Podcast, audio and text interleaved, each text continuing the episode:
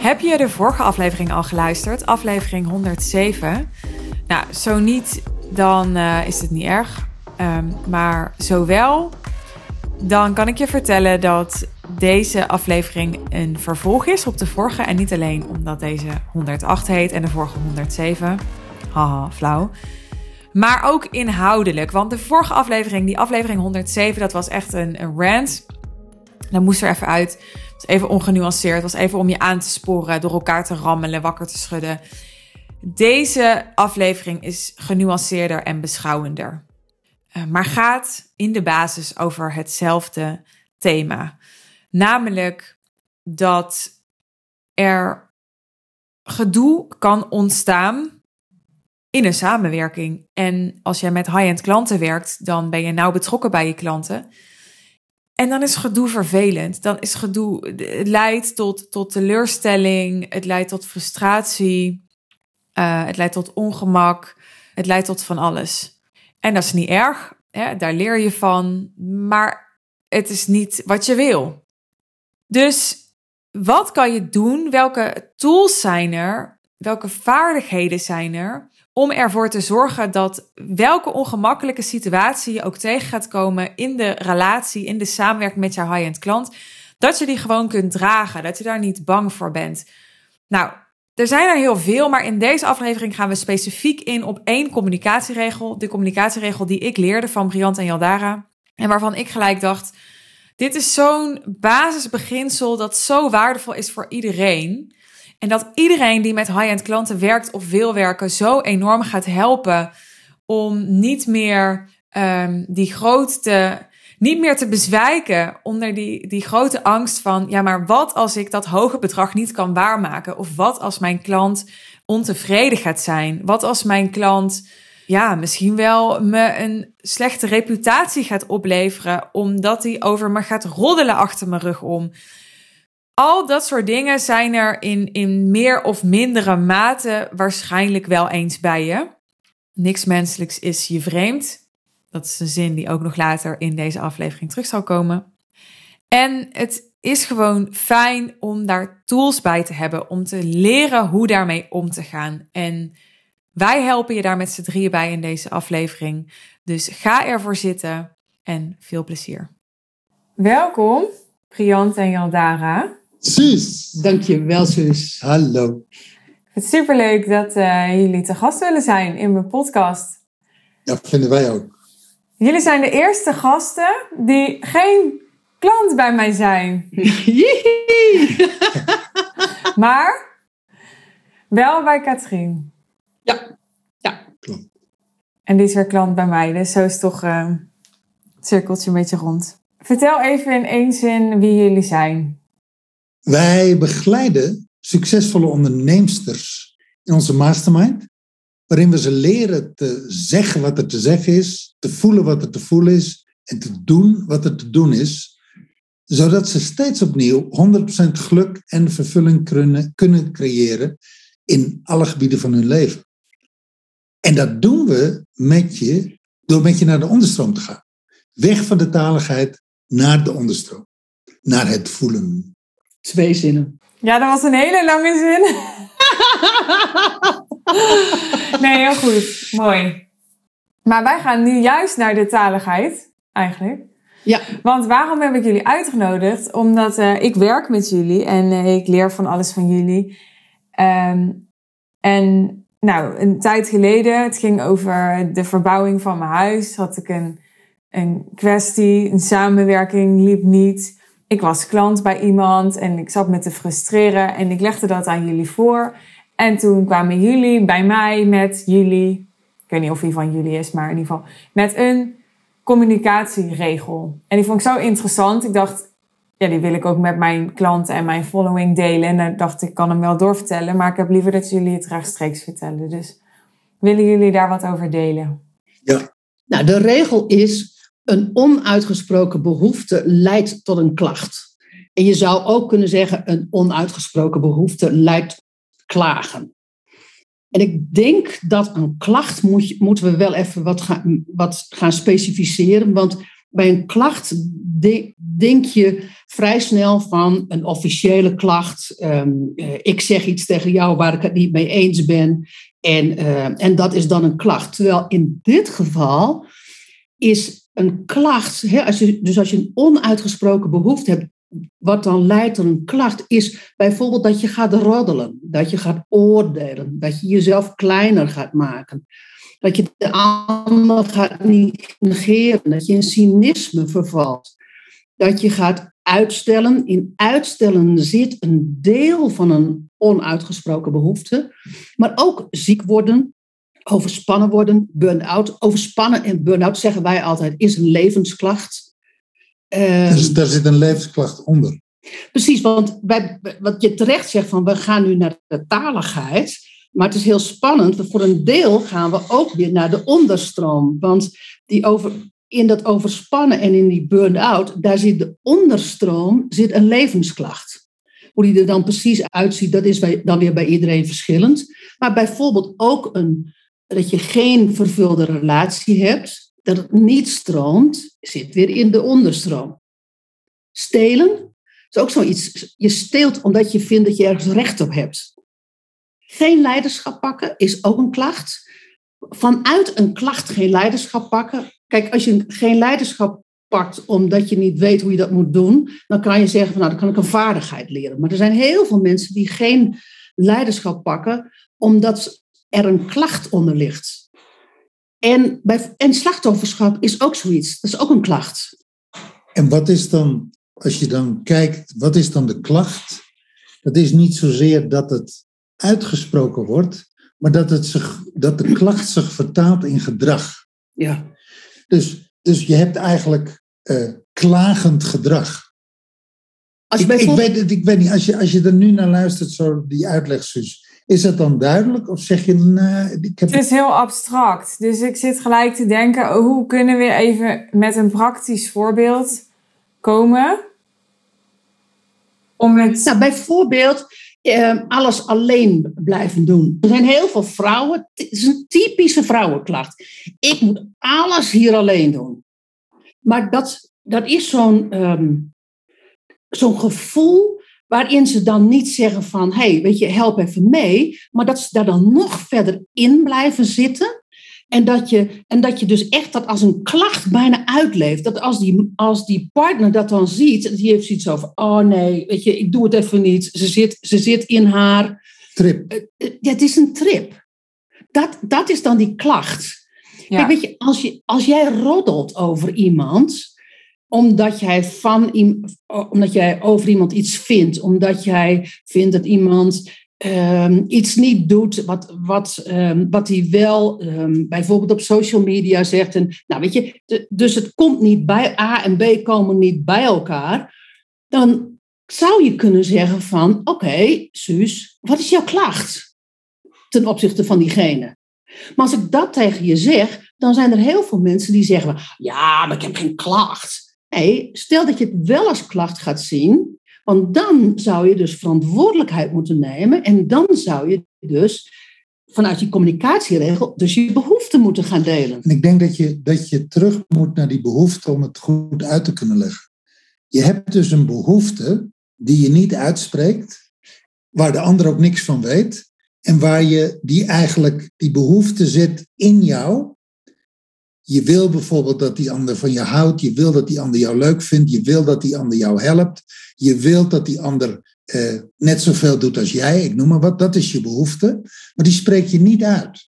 Dus die hou je in je. Ja, ja, en, ja. en, dat, en dat inhouden van die behoefte, de ontevredenheid daarover dat dat eigenlijk niet gebeurt. Dat die ander niet helpt, dat die ander niet van je houdt, dat die ander jou niet leuk vindt. Daar heb je dan een verhaal over. Daar heb je een verhaal over en dat uit zich als een klacht. Ja, en dat snap ik. Jouw verhaal is je klacht.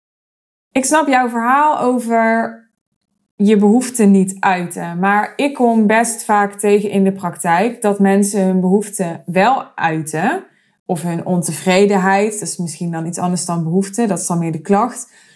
Maar ik, ik wil het even naar, naar de dagelijkse praktijk brengen. En dan vooral ook het zakelijke, omdat ik natuurlijk business coach ben. En veel van mijn klanten ook B2B werken. Dus dat zijn allemaal zakelijke relaties. En ik vond het interessant om jullie uit te nodigen, omdat ik merk dat het voor veel ondernemers die B2B met mensen werken, ingewikkeld is om te bepalen waar uh, begint nou mijn verantwoordelijkheid en waar houdt die op? En in hoeverre moet ik de behoeften van zo'n klant inwilligen en in hoeverre hoef ik dat niet? En, en wanneer moet ik concluderen dat we gewoon niet goed matchen en dat we beter uit elkaar kunnen gaan? En wanneer heb ik het onvoldoende geprobeerd? Al dat soort vraagstukken zie ik vaak. En daar ben ik benieuwd naar, als we daar die communicatieregel op leggen, hoe jullie daar dan naar kijken. Nou ja, ik denk dat je moet beginnen, Suus, bij um, terecht te constateren dat die ontevredenheid, dat is de klacht. Dus dan zitten we nog niet bij de onuitgesproken behoefte, maar dat is de klacht. Dus, want je kan hem namelijk, uh, als je die communicatieregel gaat leven, dan is het in eerste instantie, begint het bij het herkennen en het erkennen van de klacht. En dat is ook wat je te doen hebt als ondernemer. Als ondernemer heb je bij, je, bij jouw klant, als die, als die ergens klagend een, een klacht heeft of klagend gedrag heeft, om dat als eerste te gaan, voor jezelf te gaan onderkennen. Dus, die, dus als we even het voorbeeld van die ontevredenheid pakken, dan is ontevredenheid dus de klacht. Dan is het eerste wat je kan doen, is te vragen aan jouw klant, wat is je behoefte? Dus niet ingaan op die ontevredenheid, maar, in de, maar dan op de, in de onderstroom daarop ingaan om als eerste te vragen, wat is je behoefte? En dan eigenlijk nog specifieker, welke behoefte wordt niet beantwoord? Nou, welke behoefte wordt niet uitgesproken? Nee, wacht even. Die klant heeft een behoefte, maar die behoefte uit zich als een klacht. Dus die behoefte wordt niet uitgesproken. Ja, maar ik ga nog een stap terug, zonder het ingewikkeld te maken. Ik zie dat bij heel veel klanten niet helder is welke behoeften ze hebben. Ze zeggen een behoefte te hebben, maar de vraag is of dat echt de behoefte is. Dus jij zegt in de loop van zo'n traject kan de ware behoefte verschijnen. Ja. Nou, dat zie je ook vaak. Ja. Dat zien wij ook vaak. Bij, de, bij onze intakegesprekken is het, um, daar wordt natuurlijk, hè, daar heb je, dan hebben we het uh, over verlangen. Dat is bij jouw klant ook zo, Suus. Dat je, dat je, wat, is je, wat is je verlangen? En dan ga je met het verlangen van die klant ga je, ga je aan de slag. Maar daar ligt onder het verlangen ligt ook vaak nog een behoefte. Ja. En die, en die behoefte die is vaak, ik zou bijna zeggen, banaler als het verlangen. Het verlangen ziet er vaak nog wel. Is mooi verpakt. Is mooi verpakt. Ja. Terwijl die behoefte, die is. Um, rauwer. Het is rauwer. Ja. En daar zijn we over het algemeen zijn we daar bang voor. En in het voorgesprek, je zei het net even, Suus, bij die behoefte daar zit nog wat. Wij zijn, over het algemeen zijn wij niet gewired, wij zijn ook niet geenthousiasmeerd door onze omgeving om onze behoeften te uiten. Nou, sterker nog, je loopt risico als je dat doet. Precies. De, dat je dat uitgelachen, dat je de kous op de kop krijgt, dat je uh, wordt weggezet als zeurder, klager, Precies. Weet, ik veel, zeikert. Ja, dus, dus die behoefte, als ik kijk naar mijn bedrijfstrainingen die ik vroeger hield, dan, zei, dan zeiden ze, ik denk dat 90% van de mensen zeiden van, maar ik heb nog nooit mijn behoefte uitgesproken. Sterker nog, ik weet helemaal niet wat mijn behoefte is. Te voelen wat je behoefte is, want daar gaat het over in deze communicatieregel, dat je contact maakt met wat werkelijk je behoefte is. En als coach, als je als coach een, een klagende klant hebt, dan is het eigenlijk je taak om te kijken van, hey, uh, ik moet niet bij de klacht zijn, ik moet het, die klant dus niet, ik moet die klant niet enorm gaan lopen pleasen en mijn best gaan lopen doen om het die klant naar de zin te maken, want dat is helemaal niet waar de oplossing ligt. De oplossing ligt bij terug naar, hey, lieve klant, wat is jouw behoefte? En dat kan dus, dat hebben we nu al wel established, dat kan dus een totaal andere behoefte zijn als waar de klant mee binnenkwam. Nou, dan moet je, daar moet je naartoe durven gaan en dan moet je eigenlijk een soort durven herijken. oké, maar waar staan we dan nu en waar gaan we dan nu naartoe? En, en gaan we misschien het traject veranderen en geven we misschien ja, een andere richting? Nou, moeten er wat andere punten op de commas gezet worden. Maar het, de eerste vraag is van, wat is jouw behoefte? En dan even stilhouden. Want diegene moet er vaak even over denken. en, die moet, en, en het is belangrijk dat diegene daar zelf, over gaat voelen. Zelf contact met Ja. ja. En dat zit in het voelen en dat zit niet in de taligheid. Mooi. Ja, zeker. Ja. Ik denk dat, dat waar er heel vaak iets, iets fout gaat, dus aanhalingstekens, is dat, stel hè, eh, je bent ondernemer en je hebt dus een ontevreden klant, dat het dan lastig wordt op zo'n moment om echt die klant en dus zijn of haar behoeften centraal te blijven stellen, omdat de ondernemer zelf geraakt wordt in een onzekerheid over, oh, misschien ligt het aan mij, ben ik niet goed genoeg, um, heb ik iets verkeerd gedaan, al dat soort uh, gedachten en belemmeringen, waardoor er onvoldoende ruimte meer is om echt te kijken en, en te kunnen denken over, nou, wat is nu een goede vraag om aan mijn klant te stellen? Hè, hoe kan ik mijn klant nu verder helpen? Omdat al die, uh, die, die onzekerheden voor ruis zorgen. Ja. Ja, ja, ja mooi dat je het zo zegt. Als je daarin, zeg maar, als je, als je daarin terechtkomt, aan het licht aan mij. Kijk, het, het ligt. Het enige waar het aan jou ligt, is dat jij niet gevraagd hebt aan je klant: wat is je behoefte? En, en als je het oplost in de sfeer van er is dus iets mis met mij, met mijn coaching. Omdat de klant ontevreden is? Omdat de klant ontevreden is. Omdat je dus, als je het op het moment dat je dat in, in die constellatie op jezelf betrekt, ja, dan mis je de grote kans om terug te gaan naar de klant en te vragen van, ja, wacht even, er is dus, we zijn tot hier gekomen. Jij bent niet tevreden, oké. En Waar komt dat door? Wat is je behoefte? En om dan te herijken en verder te gaan en er alsnog een groot succes van te maken. Die kans die verspeel je op het moment dat je blijft zitten in dat gevoel van er is iets mis met mij. En ik ga nu mijn best doen om die klant het zoveel mogelijk naar de zin te maken. Want daar ligt helemaal niet de oplossing. De oplossing ligt dus bij de onbevredigde behoeften. Nou ja, en daar moet je zijn. En wij zeggen heel vaak van, oké, wat, wat is je behoefte? En we laten het dan stil. En ik ben dan altijd geneigd om te zeggen van, weet je, ga daar eens over voelen. Dan voel ik tegelijkertijd ook even wat mijn behoefte nu is. Dat kan je gewoon hardop zeggen. Want op het moment dat, dat een klant zegt van, ik ben ontevreden, dan doet dat ook iets met jou. En dat is terecht dat je dat zegt, Suus, want, dan, want het doet e-, echt iets met je. Maar tegelijkertijd roept dat natuurlijk bij jou ook een behoefte op. En dus je mag tegen een klant zeggen van, weet je, voel daar even over. Dan ga ik, in, ga ik uh, in diezelfde tijd ook even naar binnen en ga ik ook even voelen wat mijn behoefte nu is. Dan komt er even zo'n, dat is soms twee, drie minuutjes stilte. En dat, als je het niet gewend bent, is dat kan dat best awkward zijn, maar, eh, maar daarin zou ik mezelf echt trainen.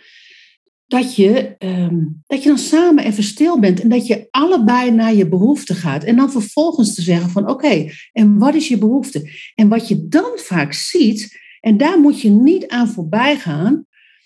Want als, je, als die klant dan de behoefte uit, is dat je dan vervolgens vraagt, en heb je dit uitgesproken aan mij? En dan niet, en dan niet in de aanname gaan van, ja, ik heb nog nooit eerder gehoord, ja, dus die klant heeft dat niet gezegd. Maar je moet die klant meenemen in deze communicatieregel. Dus oké, dit is je behoefte en heb je dat uitgesproken? En standaard is het zo, als er een klacht is en de behoefte moet opnieuw worden uh, ja, herkend en erkend, dan is het standaard zo dat die behoefte niet is uitgesproken. Dus, en als je, maar als je die vraag stelt van, maar heb je die behoefte dan uitgesproken aan mij? Dan zegt die klant, nee, oké, Dus daar wist ik helemaal niks van. En dat, dat is een interessant moment, want dan ga je die klant ga je emanciperen. Die ga je emanciperen door naar, naar haar behoefte te gaan, naar zijn behoefte te gaan. En om vervolgens te zeggen van, oké, is, die, is die uitgesproken of is die niet uitgesproken? Nee, is niet uitgesproken. Spreek hem dan nog eens uit en dat nog eens expliciet doet. En zeg van, mijn behoefte is puntje, puntje, puntje. En dat gewoon even op tafel te leggen. Ja. En dan de verbinding te maken. Ja. Oké, dus als dit jouw behoefte is. en het is niet gebeurd. En het, dan betekent dat dat we, eh, nou, dat we daarmee aan de gang gaan. Precies. En, en dan pak je dus de rest van het traject op vanuit die behoefte. En dan kan je ook gaan erkennen waar die ontevredenheid vandaan komt. Want dat snap je dan. Ja. En weet je wat ik, wat er terwijl jij praat, gebeurt er bij mij het volgende. Ik denk van, ik denk dat er heel veel coaches zijn die het gevoel hebben dat ze overal een antwoord op moeten hebben en alles moeten weten. Ja. Want je bent de coach. Ja. Moet je dat, vooral niet doen. Dat betekent dat uh, zo'n proces van eigenlijk, of zo'n moment van, van dat coachingstraject stilleggen en te kijken van, hé, hey, wacht even, wat gebeurt hier nou eigenlijk? Zo'n herijkingsmoment. Ik kan me voorstellen dat dat ook eng is. Dat is als je dat niet gewend bent, is dat heel eng. Dus dat mensen, dat coaches daar ook vandaan blijven. Zo van, nou weet je, dus dat, dat met dat gevoel van die klant en met mijn eigen gevoel, ja, als we daaraan beginnen, dan heb ik geen grip meer, dan heb ik geen overzicht meer, dan ben ik misschien de leider niet meer. Dus, dus uh, daar heb je als coach wel wat te doen om dat te durven. Daar heb je wel iets te overwinnen. Maar wat het je oplevert, is echt puur goud. Ja. Nou, en er is nog... Het levert je namelijk, het levert je namelijk tevreden klanten op. En niet één keer, maar altijd. Ja. Als, je, als je deze regel eigenlijk voortdurend toepast en voortdurend zo'n moment durft, zo'n herijkingsmoment durft in te bouwen, of durft te pakken, ja.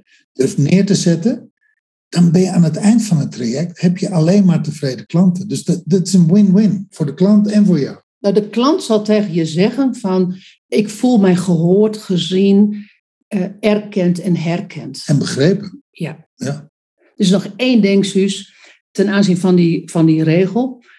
Als die klant dan vervolgens de behoefte uitspreekt, dat wil niet zeggen dat jij als um, als leverancier, om het maar even zo te zeggen, dat jij dan automatisch ja op moet zeggen. Een behoefte uitspreken is als een vraag. En op een vraag kan je ja of nee krijgen. Het is niet zo dat als je je behoefte in één keer uitspreekt, dat je dan vervolgens, dat je dan vervolgens ook je zin moet gaan krijgen. En dat je dan dus in de manipulatie gaat. Het is slechts een behoefte. En het kan zijn dat, je, dat jij, als jij ook even stil bent geweest en naar je eigen behoefte bent gegaan, dat je erachter komt dat je de behoefte van jouw klant niet kan inwilligen. Dat je, dat je, daar, dat je daar niks mee kan. Dat jij dus op dat moment niet meer de goede coach bent. Ja. Voor die klant. Hè? Voor de, niet de juiste niet... Ja, niet de juiste. Niet de juiste. Dat is inderdaad, want het gaat niet over goed of fout. Ja. De juiste. En dan komt de volgende stap dat je zegt: Oké, maar als dat jouw behoefte is, dan moeten we uit elkaar. Want dat kan ik niet leveren. Dan moet je bij die en die zijn. Of dan moet je bij een coach zijn die dat en dat doet. Dan kan je meedenken. Ja. En hou je ook weer tevreden klanten over. Is ook niet uh, dat de reden waarom uh, dat niet uh, onze natuur is om te vragen naar een behoefte? Omdat, we, omdat het dan ook heel duidelijk wordt als we niet meer kunnen leveren als ondernemer? Ja, dat is uh, at the end of the, uh, the day is het natuurlijk, it's all about money, hè? Kijk, we kunnen wel gaan zeggen van, nou ja, weet je, um, als, ik, als, ik, als, als wij als klant, als de klant en ik niet bij elkaar passen, dan is, het, dan is dat niet erg. Dat is, dat is ook over het algemeen zo. Maar goed, als alle klanten niet bij je passen, weet je, er is op een gegeven moment ook dat er um, geld in het laadje moet komen. En ik zie dat. ehm, Als alle klanten niet bij je passen, nee, dan, maar goed. dan doe je iets niet goed Nee, in maar dat- intake, maak hem, even, maak hem even zwart-wit. Ja. Weet je, er zit. ehm, nou ja, eh, het is heel spannend om dit gesprek aan te gaan. Over het algemeen, eh, mijn ervaring is dat, ehm, behalve dat het spannend is om dit gesprek aan te gaan, om dat te leren, is dat als jij een klant e- hier echt doorheen leidt en die klant voelt zich gehoord, gezien, herkend en kent, ja, dan, dan moet je een hele goede reden hebben, wil je die behoefte niet in kunnen vullen en dan, en dan is het helemaal oké. Maar meestal is dat niet zo. Ik denk 9 van de 10 keer als je dit toepast, Ja, dan kom je er alleen maar beter uit. is het succesvol. Ja. ja. Weet je, en Nou, in die situatie, dat was geen, geen coaching situatie, maar in die situatie met mijn huis, Mhm.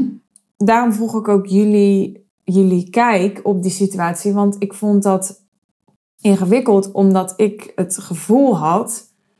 Ik zit elke keer maar mijn behoeften te uiten. Behoeften over hoe dat ik wil communiceren. Behoeften over hoe dat ik ontzorgd wil worden. Behoeften over wat ik gedaan wil hebben. Wanneer ik het gedaan wil hebben. Ik zeg niet dat ik dat goed deed en dat het ook goed overkwam. Maar dit is mijn beleving dat ik die behoeften uitte. En toch voelde ik me dus niet gezien en gehoord. En toen zeiden jullie, volgens mij, om te beginnen is er een verschil tussen je behoefte uiten en dat die ander hem ook kon ontvangen. Toch? Dat was het eerste wat jullie zeiden. En het tweede ging over dat ik er verantwoordelijk voor ben om de juiste match te vinden bij mijn behoeften. En dat ik dus mogelijk moest concluderen dat die match er op dat moment niet meer was. Kijk, als jij, als jij jouw behoefte uit en jij voelt je niet gehoord en gezien in dat proces, dan is eigenlijk het enige wat je kan doen, is dat je op tafel legt van wat, wat maakt dat ik mij niet, echt letterlijk hardop, wat maakt dat ik mij niet gehoord en gezien voel, terwijl ik wel mijn behoefte eh, uit. En dan kan je zeggen van, ja, dat, dat, is, dat hoort bij mij. Maar als je dat hardop op tafel legt, dan leg je ook iets bij de ander neer. En als je voortdurend niet, je niet gehoord en gezien voelt, dan is het niet de juiste match. Ook al spreek jij je behoefte uit. Als jij niet gehoord en gezien voelt, dan, dan spreek je je behoefte uit bij de verkeerde.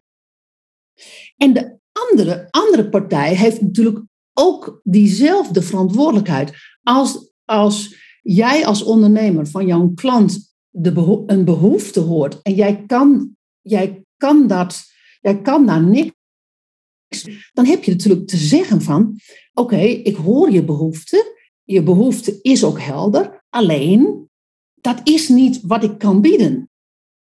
Dus wij zijn geen goed huwelijk. Dat is wat, wat zij toen ook zeiden, wat ik toen te horen kreeg. En ehm, moet ik dan dus maar gewoon mijn verlies nemen dan? Is dat dan de conclusie? maar wat noem je verlies nemen? Oh ja, dit is echt weer zo'n vraag voor jullie, ja. ja, daarom heb ik jullie uitgenodigd om dit soort Wat vragen is je te stellen. behoefte, Suus? Je hebt je Ja. klas. Nee, maar, maar- nou, dit, dit is, dit is wel leuk, om even in het proces. Je verlies nemen is eigenlijk, zoals je hem zegt nu, is je klacht. Ja. Klopt dat? Zie je Ja. dat? Ja, dat is een Ja. klacht. Dus dan is de, de vraag, laten we hem gewoon letterlijk doen. Dan is de vraag die wij je nu stellen, wat is je behoefte? En voel daar eens over. Ja. Nou ja, mijn behoefte was dat, dat de, de, de openstaande punten waar ik nog niet blij mee was, nog niet tevreden mee was, dat die alsnog werden gedaan.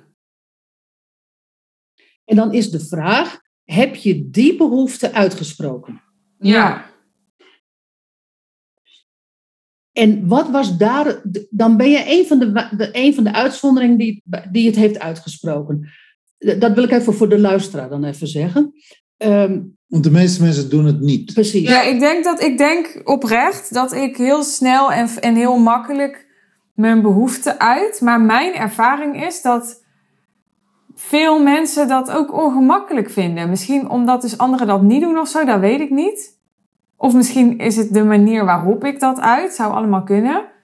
Maar ja, ik kreeg gewoon op dat moment terug wat jullie nu ook zeiden. Ja, ik denk dat wij dan niet de juiste persoon voor je zijn. En Ja. daarop voelde ik dus van oké, dan moet ik maar mijn verlies nemen. En waarom verlies nemen?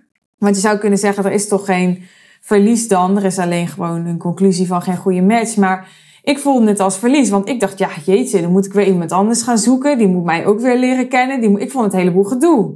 En dat zag ik als verlies. Alleen, eh, we hebben één componist in Nederland. Dat is eh, eh, componist Andriessen. En als Andriessen vastloopt in zijn muziekstuk, dan zegt hij standaard van, ik, daar waar ik vastloop moet ik niet zijn. Ik moet eerder in het muziekstuk zijn, want daar ben ik vastgelopen. Dus als ik Daar, daar is het al eerder fout gegaan. Precies. En als ik, dat, als ik dat nu zet op dit voorbeeld van jou, dan is het dus al eerder in de, in de samenwerking, in de constructie, is het al fout gegaan. Is het al vastgelopen. En daar heb, heb dan wel jij, dan wel de andere partij, heeft daar geen acht op geslagen. Ja, oké, als ik het dan even op mezelf betrek. Ja? Ja? Ik had dat al, al eh, heel snel door. Maar ik heb het niet, ik heb niet die samenwerking stopgezet uit een soort. Nou ja, jullie mogen het invullen, maar ik zou zeggen. Ja, gemakzucht. ja jouw woorden, is oké. Mijn woorden, ja. Jullie zouden het anders noemen. In ieder geval, Nee, wat maakt je, niet uit. in ieder geval wat je nu zegt is, ehm, op het moment dat we dat punt bereikten samen, wist ik het al lang. Ik had het al veel eerder bedacht. Jij hebt jouw behoefte heel in het begin niet serieus Klopt dat? Ja, interessant dit. Ja, eh, Nou ja, en als je je behoeften serieus neemt, dan heeft dat dus consequenties. Ik, ik maak hem. ik- Kijk, ja, die, die, het is belangrijk dat je dat woord inbrengt. Dat is namelijk het hebben van behoeftes en het uitspreken van behoeftes. Is Heeft, niet- heeft, ja, is nooit consequentieloos. Heeft consequenties.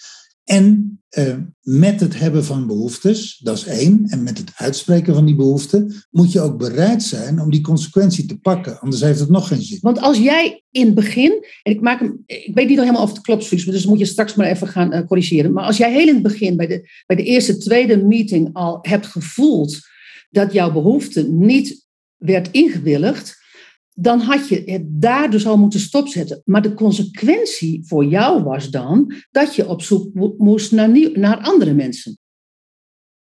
Die jouw behoefte wel kunnen inwilligen. Ja, klopt. En daar zit dan sceptisch op bij mij. Ik denk heel snel, ja, het gras is niet ergens anders groener. Mijn ervaring is ook dat mensen redelijk makkelijk zeggen nee, maar het komt straks echt goed. En dan denk ik ook, ja, jij bent expert en dan vertrouw ik op jou. En ik weet ook, ik ben zelf echt super, een super pain in the ass als klant. Dus ik ben dan ook denk ik onzeker over dat ik bij een ander weer tegen de lamp ga lopen, omdat ik zelf gewoon te kritisch ben. En dat alles bij elkaar maakt dan dat ik denk, nou, ik doe het ermee. En dan ga ik ze tolereren. Ja, Ja. maar nu heb je dus wel een giftige cocktail. Ja, ik wou net zeggen, lethal cocktail. Ja, eh, giftige cocktail die van jou is. En, waar, hè, en dan, kan, dan, dan, wij zitten natuurlijk in de helingsbusiness, om het maar even zo te zeggen, die je dan moet helen, omdat, het, want, want je gaat met die aanname, ga je dus samenwerkingen aan. Ehm, en tegelijkertijd, ik zeg dus van, neem jouw behoefte serieus en schrijf hem desnoods uit. Gewoon, al is het alleen maar eh, voor een oefening, voor, voor oefening. En dan ga dan eens, eens kijken naar de redelijkheid van jouw behoefte. Want, want ik hoor ook een beetje op de achtergrond van, nou ja, misschien is die ook wel een beetje onredelijk. Misschien, weet je, het, ehm, Te het- kritisch. te kritisch, te dit, te zus, te zo. Maar als je hem uitschrijft, dan- en desnoods laat je hem iemand lezen en je zegt, goh, als ik naar deze pakket van een kijk in deze samenwerking, is dat redelijk? Is dat haalbaar? Nou, ehm, daarin, als, als de ander zegt van ja, dit is, dit is heel redelijk en dit is heel haalbaar, dan mag je natuurlijk gewoon je behoeften serieus nemen. Alleen als jij je behoeften serieus neemt, dan is dus de consequentie dat je daar dus ook een goede partij bij zoekt. En dan, als we even teruggaan naar die ondernemer en klant. Kijk, als een klant bij jou uh, een pakket van eisen neerlegt en, en die denkt van, nou, weet je, Suus kan dat niet inwilligen, dan is die klant natuurlijk in eerste instantie verantwoordelijk om bij jou weg te gaan en naar iemand anders te gaan. Als jij de pakket van eisen kent en jij zegt van, dat kan ik niet inwilligen, ja, dan is het natuurlijk ook de, ook de verantwoordelijkheid voor de ondernemer om te zeggen van, ja, weet je, uh, jij, het is voor jou een redelijk pakket van eisen het is voor jou een redelijke behoefte. Alleen ik kan daar niks mee. En dat is oké. want je vrijt ook niet met iedere vent of met iedere vrouw. Wat, wat, als je nu naar jouw situatie kijkt, wat, wat resoneert er dan? Waar ben jij, waar ben jij voorbij jouw behoefte gegaan? Uh, wanneer in het proces? Waar? Ja, ja wanneer? Uh, nou, ik, ik, ik, zal niet te veel in detail treden, maar ik probeer wel genoeg informatie te geven om het, uh, om het duidelijk te maken. Kijk, als je gaat verbouwen of gaat verhuizen, ik denk dat iedereen dat wel herkent, dan heb je natuurlijk te maken met allemaal specialisten. Hè, dus met uh, ja, nou ja, een, een, bouwkundige, een aannemer, een, een schilder, een behanger, maar die hangen vaak weer onder die aannemer. Maar ik had dan ook een styliste en nou, iemand die, die een beetje het project managede. En, en dat mijn behoefte was dat iedereen als een zelfsturend team uh, uit zichzelf zomaar zou samenwerken en zou functioneren met elkaar. Nou, dat is helemaal misgegaan. En als we dan op terugkijken, jullie hebben het net over, is dat haalbaar? Dan denk ik, nou, dat was natuurlijk helemaal niet haalbaar, want zat geen één communicatieprofessional bij. Er zat geen één leider of leidinggevende bij. Er zat helemaal niemand bij die wist hoe die dat deskundig moest doen. Zo, zo functioneren in een team. En dat gaat over het algemeen volgens mij niet automatisch vanzelf. Nee, zelfs geen... teams kunnen niet zonder, uh, zonder leiding. Dat is een, dat is een, uh, een sprookje. Precies. En, en uh, mijn behoefte was dat uh, zij dus uh, zonder mijn, mijn leiding zouden kunnen. Ja. En dat konden ze niet. En, um, ja, en daar ging ik dan heel klagerig over zijn. ik ben maar gewoon eerlijk, ja. Ja, ja, ja. maar dat is een uh, zelfsturende teams, dat, is, dat fenomeen is natuurlijk ooit opgezet. En daar heeft men in eerste instantie gedacht, uh, dat kan zonder uh, leiding. En daar is men toch wel heel erg van teruggekomen. Ja. Dat, dat kan niet zonder bepaalde leiding. Nee, nou ja, dat is gebleken in mijn situatie. Ja. Brengt mij op ja. iets anders. Dus dat, soms is de behoefte, de manier waarop een behoefte wordt geuit, eigenlijk nog steeds een klacht. Mm. Mm. Dus, dus dan, dat is een spannende. Nou ja, dan zeg je, dan zeg je ik, weet je, ik heb mijn behoeftes duidelijk, ik, ik, ik, ik uit me duidelijk, ik vertel mensen wat ik wil, ik vertel mensen hoe ik het wil.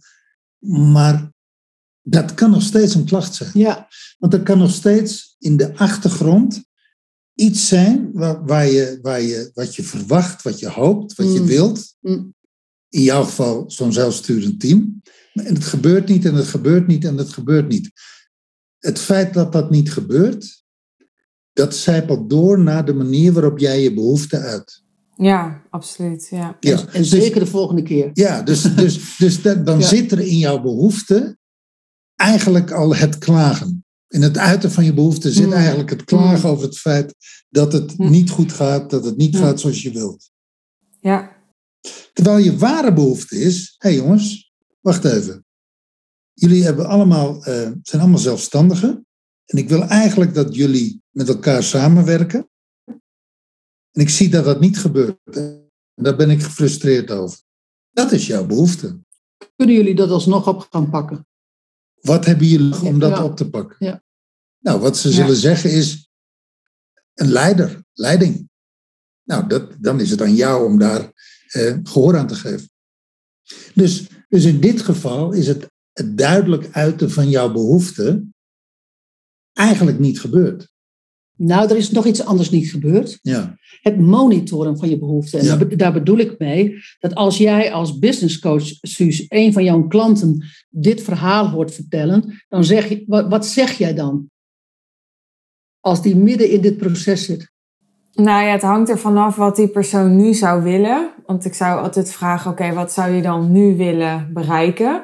Want soms is iemand bijvoorbeeld op het punt dat hij denkt, nou ik wil eigenlijk gewoon overal vanaf. Dan heb je natuurlijk een heel ander doel.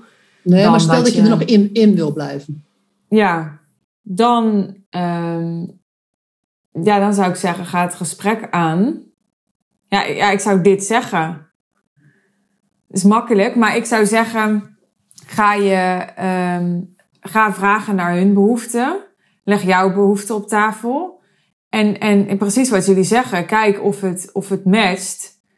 En als het onvoldoende matcht, dan, dan houdt het op. Dus, dus in die zin deed ik in mijn beleving ook al wel wat jullie tegen mij zeiden. Maar daarom legde ik ook die casus specifiek aan jullie voor. Omdat ik toch merkte dat ik dacht dat ik het deed. Maar door de uitwerking merkte ik, volgens mij doe ik toch nog ergens iets niet goed. Ja. Ja, en, er zit dus, en ik had het net even over de monitoren van de behoeften. En, en in het monitoren zit dus nog iets van dat je dus in de gaten blijft houden dat jouw behoefte ehm, ingewilligd blij- ehm, eh, wordt. Ook gedurende het proces. En ik weet dat jij zegt van ja, maar ik heb er dan dus gewoon geen zin in om dat dan allemaal zelf te doen. Want dat is waarom dat ik die mensen inhuur. Maar het monitoren, daar ben je wel verantwoordelijk voor. Dat zijn die push-ups die je niet kunt uitbesteden. Nee, precies. Maar het monitoren of dat mijn behoefte ingewilligd wordt. Of ook hun behoefte, allebei. Eh, het monitoren, dat zijn de push-ups die je niet kan uitbesteden. Ook niet bij een projectleider. Het, als jij projecteigenaar bent, dan, dan moet je op, op bepaalde momenten moet je, eh, blijven monitoren. Nou ja, monitoren sowieso op je eigen behoeftes. En als je ziet dat er iets niet werkt in die samenwerking wat los is van jouw behoeftes, dan moet je inderdaad naar hun behoeftes toe. Ja. Dus dan moet je die vraag stellen van, hé, hey, wacht even, het loopt niet lekker. Welke behoefte wordt niet ingewilligd? Nee, welke behoefte heb je? Nee, maar luister, welke behoefte die jij hebt, wordt niet ingewilligd? Hm. Ja, ik, ik, ik vlieg hem gewoon even anders aan. Oké, andere, andere vraag nog. Ik probeer hem even te verplaatsen in wat interessant is hè, voor, voor mijn doelgroep. Je, stel je hebt een, een klant en die, die klant heeft kritiek. Hè? Dus je bent coach. Hè? Ik richt me voornamelijk op coaches. Je hebt een, een klant, die heeft kritiek. En nou, je belt die klant op, je gaat daarover in gesprek. Je stelt deze vraag over wat is nou eigenlijk je behoefte. Maar er blijven ehm, verwijten komen, er blijven klachten komen. Dus iemand komt niet echt bij die, bij die behoefte. Is er dan nog een soort extra stap, los van dat uitnodigen om even stil te zijn? Maar is er zijn er nog extra dingen die je kan doen om zo'n klant dan toch weer naar zijn of haar eigen behoeften, een soort van aligned te krijgen met zichzelf, in plaats van dat hij alleen maar aan het eh, verbaal overgeven is over jou heen? Ja, ja vind ik wel een goeie hoor. Goeie. Nou ja, de- hoe ver. Soms, soms is het te ver, hè? Soms is die klant Ja. eh, zo ontevreden dat hij niet meer eh, het jou gunt om terug te gaan naar zichzelf. Ja. Dan, dan zit hij zo vast in zijn klagenmode dat hij alleen nog maar wil klagen. En dat hij niet meer bereid is om terug te gaan naar, wacht even, eh, waar ligt het bij mij? Nou, sommige klanten zijn ook in dat enorme klagen, eh, zijn ze eigenlijk bezig met hun vader en moeder eh, om ge- gezien en gehoord te worden. En, en die willen gewoon hun gelijk. Ja. Als je daar bent aangeland, of als je zo'n klant hebt, ja, dan kun je het vergeten. Dan, maar dan is er in de onderstroom speelt er iets anders. Iets heel anders. Ja, Wat niets te maken heeft met jou. ja helemaal niks. Wat helemaal niets meer te maken heeft met jou. En niks te maken heeft met het traject. Ik En zou dat zeggen, is niet te overwinnen. Nou, Nou. Ik, ik zou zeggen vanuit, mijn, vanuit ons vakgebied, maar goed, dat is ook, dat, dat is ook eh, de taal die wij, wij heel makkelijk kunnen gebruiken, is van, ik wil je klacht wil ik serieus nemen, maar ik heb even een vraag van, kom je dit vaker tegen? Ben je dit vaker tegengekomen in, uh, in je werkend bestaan, in je leven? En als jij namelijk die klacht werkelijk serieus neemt, dan is vaak ook nog wel de klant bereid om te kijken van, hey, ben ik dit vaker tegengekomen? Want je zult ook bij jezelf um, te raden kunnen gaan van, ben ik wat ik nu tegenkwam aan, aan die klacht, hè, van dat, ze, dat ze dat niet uit zichzelf deden, ben ik dat vaker tegengekomen? En vaak is het zo dat dat een terugkerend patroon is. En dat wil niet zeggen dat jij dat dan als coach moet oplossen. Tegelijkertijd, wat wel goed is, dat ook al kom je niet tot elkaar nader, dat je wel in, in relatie blijft. Want als, je, als het blijkt dat dat een terugkerend patroon is, dan kan je natuurlijk ook zeggen van oké, dus dit is dus een terugkerend patroon en hij komt dus nu weer, te, weer terug bij jou, uh, of dus bij, bij ons, of eigenlijk dan dus bij mij. Ehm, Hoe kan ik jou helpen? Precies. Hoe kan ik jou helpen om dat voor eens en voor altijd op te lossen? Want de bron ligt dan dus niet bij jou. De bron ligt daar waar het is begonnen. Bij de klant, hè? Ja, ja, ja bij de, bij, het ligt dan bij, bij de klant waar het is begonnen. Maar een klant moet, moet dat durven aankijken. Nou ja, en je moet dat als coach, moet je dat durven. Dus, nou, weet je, dus nee, want dat, het je hoeft als coach niet naar die bron te gaan, hè? Kijk, je, je gaat, kijk, ik zou, als, ik, als dat niet mijn vakgebied zou zijn, kijk, het is ons vakgebied, maar, als, maar het is niet Suus haar vakgebied. Maar, je, kan, maar het is, je kan wel samen met de klant kijken, is dit een terugkerende ergernis, terugkerende klacht, terugkerend whatever? Of is dit echt voor het allereerste keer dat je met iemand samenwerkt? En dikke kans dat je te horen krijgt van nee, dat heb ik wel eens vaker gehad. Of ik heb het altijd. Of ik heb het altijd. En dan kan je zeggen van oké, dan is het dus wel interessant. Kijk, want dan kan, want jij kan het. Dan is het een patroon dan is het een patroon. Dan kan je het al helemaal niet meer oplossen. Dan kan je met diegene gaan kijken van oké, dan is dit dus een patroon.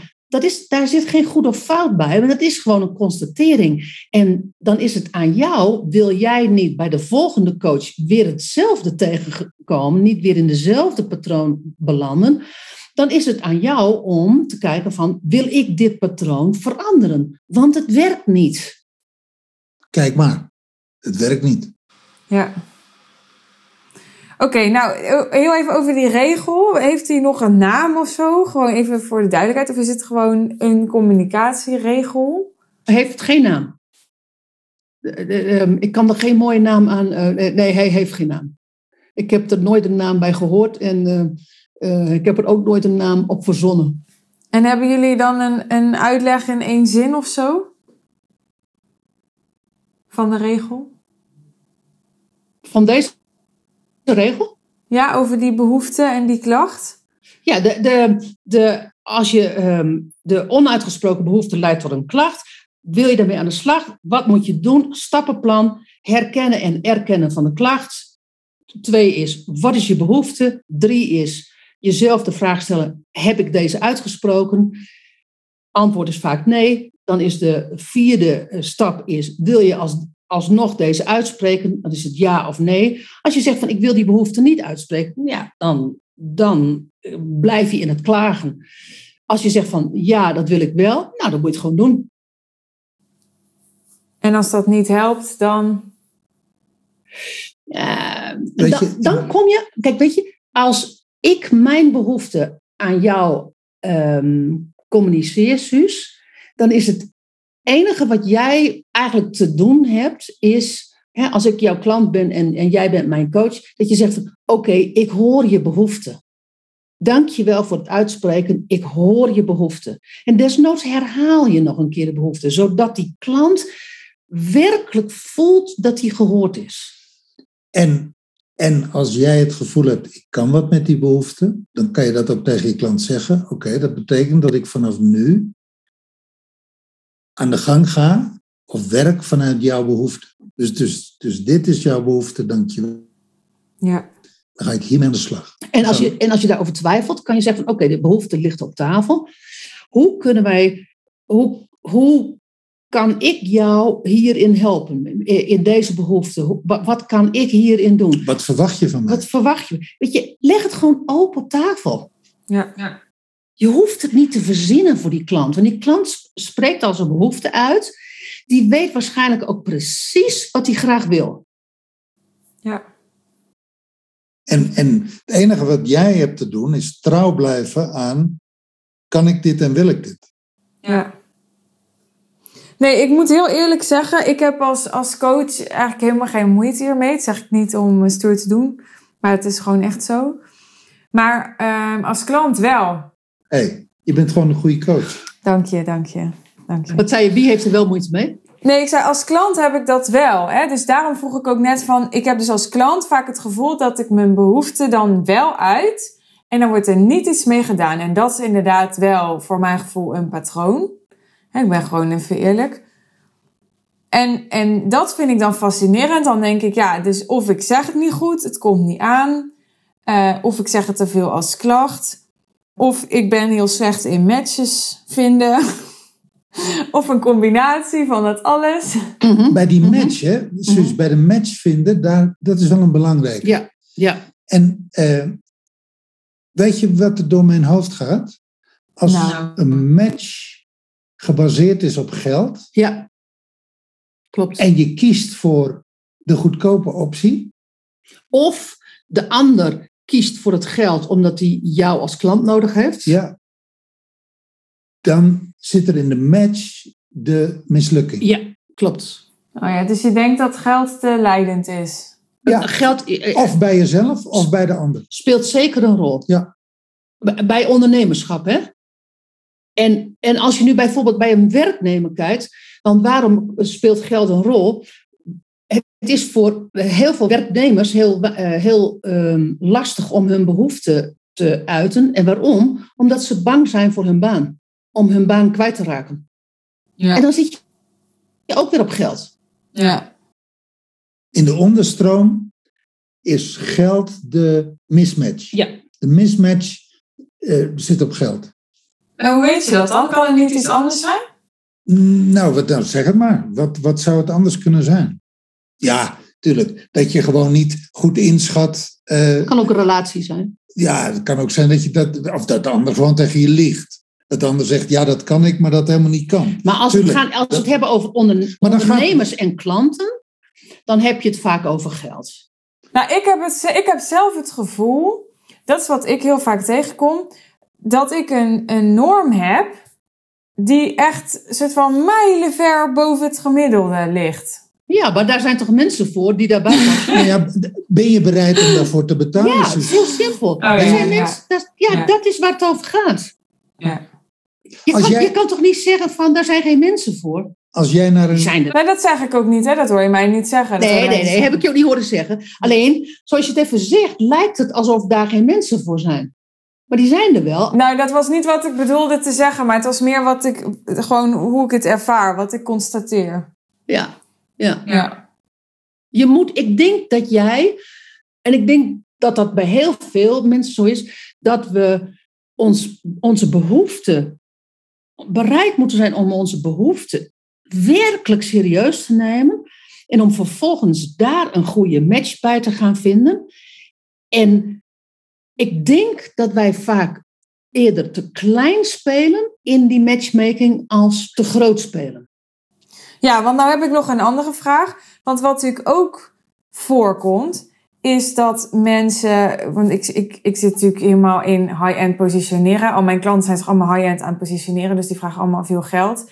Die investeren vaak zelf ook veel geld. Ik ben zelf ook iemand die graag een, een high-end aanbod koopt. Het hangt vaak met elkaar samen. Maar dan kom je ook wel eens tegen, dat heeft iedereen bijna wel eens, dat, dat, dat je dus een grote investering doet. Dan heb je voor jouw gevoel dus juist wel groots geïnvesteerd. En dan heb jij de ervaring um, dat het ja, heel erg tegenvalt. Is het dan niet zo dat de ander eigenlijk tegen je gelogen heeft in die zin dat die ander gezegd heeft: ik kan iets leveren wat hij niet kan leveren. Ervan uitgaande hè, dat jij van tevoren heel duidelijk jouw eisenpakket op tafel hebt gelegd. Pakket van eisen. Pakket van eisen. Dat heet het vriendelijker. Oké. Ja, ik, ik, denk dat, ik denk het niet. Ik, ik, ja, ik geloof niet zo. Ik vind dat echt te, te zwart gedacht. En wat geloof je niet dan? Nou, ja, daar zit dan voor mij onder ook iemand die liegt, heeft ook geen zuivere intenties, toch? Stel dat ik geld nodig heb. Ik ben een coach die weinig klanten heeft, of ik ben een leverancier die weinig klanten heeft. En ik, Ja. eh, ik, heb, ik heb klanten. Er zijn mensen, er zijn coaches, er zijn mensen, er zijn leveranciers die zullen op alles ja zeggen om die klant maar binnen te halen. En vervolgens kunnen ze het niet waarmaken. Dus dat gebeurt. Gebeurt dagelijks. In heel Nederland. Dankjewel voor deze onnuchterende opmerking. Nee, dat, dat klopt, dat is waar. Ja. Alsjeblieft. ja. Nee, maar nou ja, ik, ik snap dat dat gebeurt. Hè, maar ik wilde een beetje hiervan wegblijven, omdat ehm dat heeft een reden. Dat ga ik nou uitleggen. Dat kan je misschien ook wel raden. Omdat natuurlijk voor heel veel van mijn klanten, mijn doelgroep, dat is hun grootste angst. Dat hun klanten gaan zeggen, als zij veel geld gaan vragen, maar het was het niet waard. Hè, dus, dus ehm, en, en wat ik zie, in ieder geval ja, bij de klanten die ik al mee heb geholpen, daar, daar sta ik duizend procent achter. En, en daar geloof ik in. En ik geloof in hun intenties en ik geloof in hun kwaliteiten. En dan geloof ik dat er mismatches kunnen zijn. Eh, maar dan geloof ik niet dat die liegen. Misschien ben ik dan te naïef. Ik Nou, Nou, ik, ik, nou- vind, ik vind liegen ook een te, te sterk woord. hoor. Nou, kijk, bij een timmerman of bij een metselaar eh, is het eigenlijk heel duidelijk. Hè? Jij moet een ingewikkeld, eh, zeg maar, timmerstuk eh, eh, heb jij. Je hebt die, jij hij- hij huurt iemand in huis voor een klus. En dat is een klus die boven zijn pet gaat. Dat gebeurt. Terug naar, naar de doelgroep waar jij het over hebt. Tuurlijk is dat de grote angst van iedere coach en iedere leverancier. Dat een klant zegt, ja, maar wacht even. eh, ik heb betaald voor iets wat ik niet gekregen heb. Dan moet je toch terug naar jezelf als leverancier. Dan heb je, je hebt toch echt maar één verantwoordelijkheid. Als jij 10.000, 15.000 of 20.000 voor een traject vraagt als leverancier, dan heb jij toch de verantwoording en de opdracht om te leveren voor dat bedrag. Nou, ik- Ja, alleen, alleen wat natuurlijk door elkaar wordt gehaald, is als coach lever jij coaching. Maar ook ik, weet je wel, terwijl ik toch veel blije klanten heb, maar ook ik kan, ik kan niet een resultaat leveren. Hè? Dus ik kan mijn, mijn begeleiding leveren, mijn, mijn eh, adviezen, mijn coaching, mijn ervaring, dat kan ik allemaal leveren, mijn feedback. Maar ik, ik, ik ga niet op de stoel van de ondernemer zitten. Die moet zelf de acties nemen, die moet zelf de besluiten nemen, die moet zelf de investeringen doen, hè, die moet zelf de keuzes maken. Maar is het niet zo, Suus, dat jij dan als ondernemer, die daar bang voor is, eh, en niet jij, jij als persoon, maar de ondernemer eh, die daar bang voor is, dat hij dan naar zijn eigen behoefte moet? Kijk, weet je, we hebben het nu ook gehad over de behoeften van de klant, maar jij hebt als ondernemer ook een behoefte. Wij hebben als ondernemers, Briant en ik, hebben de behoefte dat wij klanten hebben die hun eigen innerlijke push-ups doen. Die ehm, die coachable zijn. Die, eh, dat je, zo heb je een heel rijtje heb je dan. Hè? En dat is toch ook waar je in de intake, in je salesgesprek, hoe je dat ook maar noemt, dat je daar heel erg goed naar gaat kijken wat de rode vlaggen zijn. Ja, en dit gebeurt te weinig. Dus, dus daar ben ik helemaal met jullie eens. En dat En je dat- er trouw aan bent. Maar ook Ja, dat je en- daar weer trouw aan bent. Want als jij niet naar de rode vlaggen gaat kijken, dan, want da- die rode vlaggen, die staan in relatie tot jouw behoefte. Want ik, ga even, ik, ik blijf even bij die, bij die communicatieregel. Die Ja. staan in relatie tot jouw behoefte. En op het moment dat jij jouw behoefte niet serieus neemt, op het moment dat jij die rode vlaggen niet serieus neemt, ja, dan moet je natuurlijk niet raar staan te kijken dat die klant op een moment zegt van, hmm, puntje, puntje, puntje. Ja. Wat, het, wat er dan ook maar in dat, op dat puntje puntje wordt, wordt ingevuld. Als ik kijk naar, weet je, niets menselijks vreemd, en waarschijnlijk is ook niets menselijks jou vreemd. Wij hebben ook wel eens klanten gehad die gewoon niet, ik bedoel, jaren geleden, die niet helemaal tevreden waren. Als ik terugkijk, dan, dan zie ik in hindsight dat ik mijn behoeften, dat wij onze behoeften niet serieus hebben genomen. Dat we de rode vlaggen niet serieus hebben genomen. Als ik nog eerlijker ben, ga ik terug naar het punt wat ik eerder maakte. Het ging over geld. Het ging over geld. Dat we, dat we, dat we kozen voor het geld Ja. en niet kozen voor de 100% match. Dat wilde Ja. niet zeggen dat we niet konden leveren, maar, maar, eh, maar niet een knock your socks af konden leveren. Die, Ja. die, diezelfde klant zouden we nu nooit meer naar Nee, maar het heeft te maken met dat wij onze behoeften meer serieus nemen. Of dodelijk serieus nemen. Ja, Ja, Dus, je, dus, mooi. die, dus die kan je terugvoeren in deze regel. Ja. Nou, dankjewel. Ik vond het heel eh, wijs allemaal. Graag gedaan, zus. ja, leuk. Ik, ik, hoop, ik hoop dat iedereen er heel veel aan heeft. Volgens mij kunnen we er wel een serie van maken. ja. Is dit een hint?